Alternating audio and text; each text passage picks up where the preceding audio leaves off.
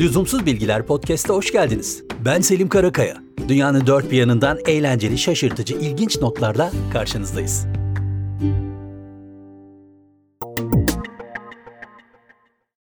Bizim kuşak çocukluğunda çok fazla karşılaşmadı ama dünya çocukları hep Lego oyuncaklarla büyüdü. Hala da dünya oyuncak pazarının öncü firmalarından biri Lego ve cirosu inanılmaz boyutlarda. Son birkaç senedir dünyanın dört bir yanında Lego hırsızlıkları artmaya başlamış. Bazı hırsızlık olaylarında polisler evden sadece Legoların çalındığını tespit etmeye başlayınca olay bambaşka bir boyuta gitmiş ve derinlemesine araştırılınca hikaye de ortaya çıkmış. Meğer Lego'nun sınırlı üretimle piyasaya sürdüğü bazı serilerin oyuncakları kara borsada şaşırtıcı rakamlara satılabiliyormuş. Örneğin 2007'de 150 dolara satışa sunulan Lego Cafe Corner, özellikle pandemi döneminde insanlar evlerine kapanıp da bu oyuncaklarla zaman geçirmeye başlayınca 3000-3500 dolara alıcı bulmaya başlamış. Hal böyle olunca Fransa'da bir evden çalınıp Polonya'da satılan Legolar bile tespit edilmiş. Basınca ayak acıtan ama satılınca para kazandıran oyuncak. Lego.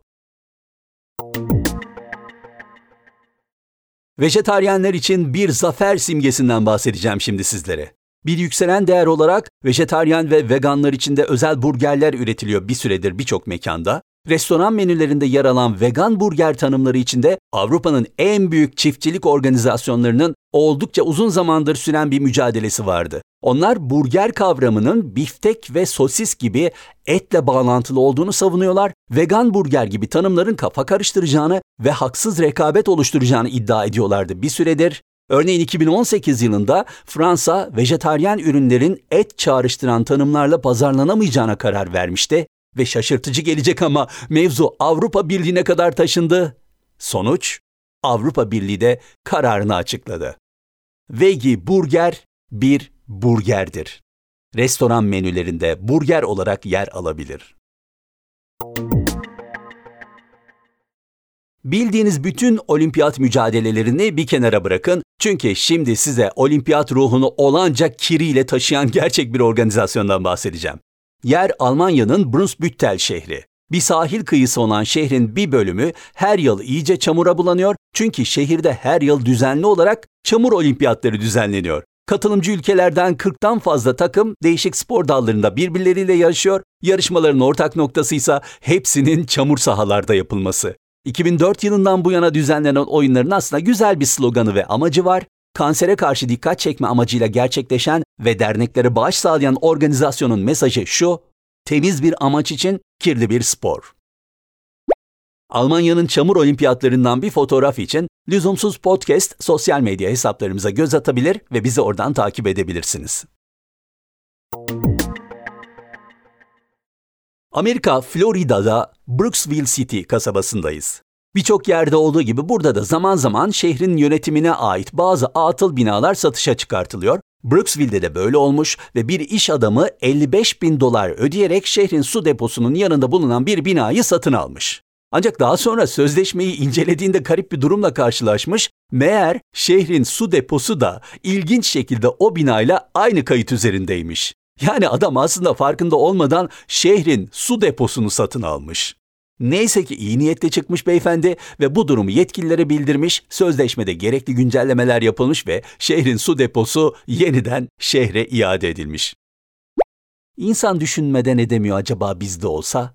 Muhtemelen çok geç olmadan duyardık. Watertown Hill evleri satışta belediyeye bir dakika mesafede yeni bir yaşam, 24 saat su imkanı. Bee Gees ve Staying Alive. En iyi demek biraz fazla iddialı olur ama müzik tarihinin en eğlenceli şarkılarından biri. Buyurun hatırlayalım.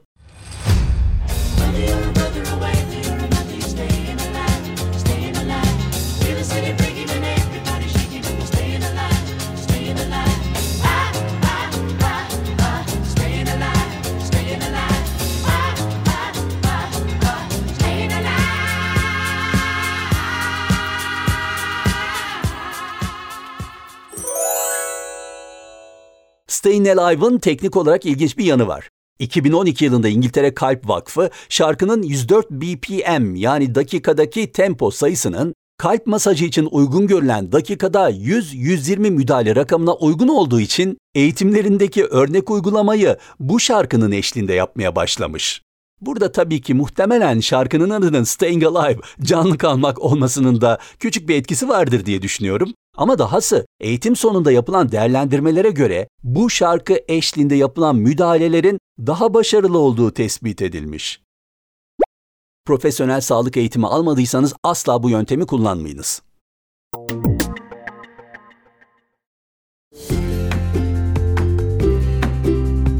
Lüzumsuz bilgilerimiz bu bölümlük bu kadar.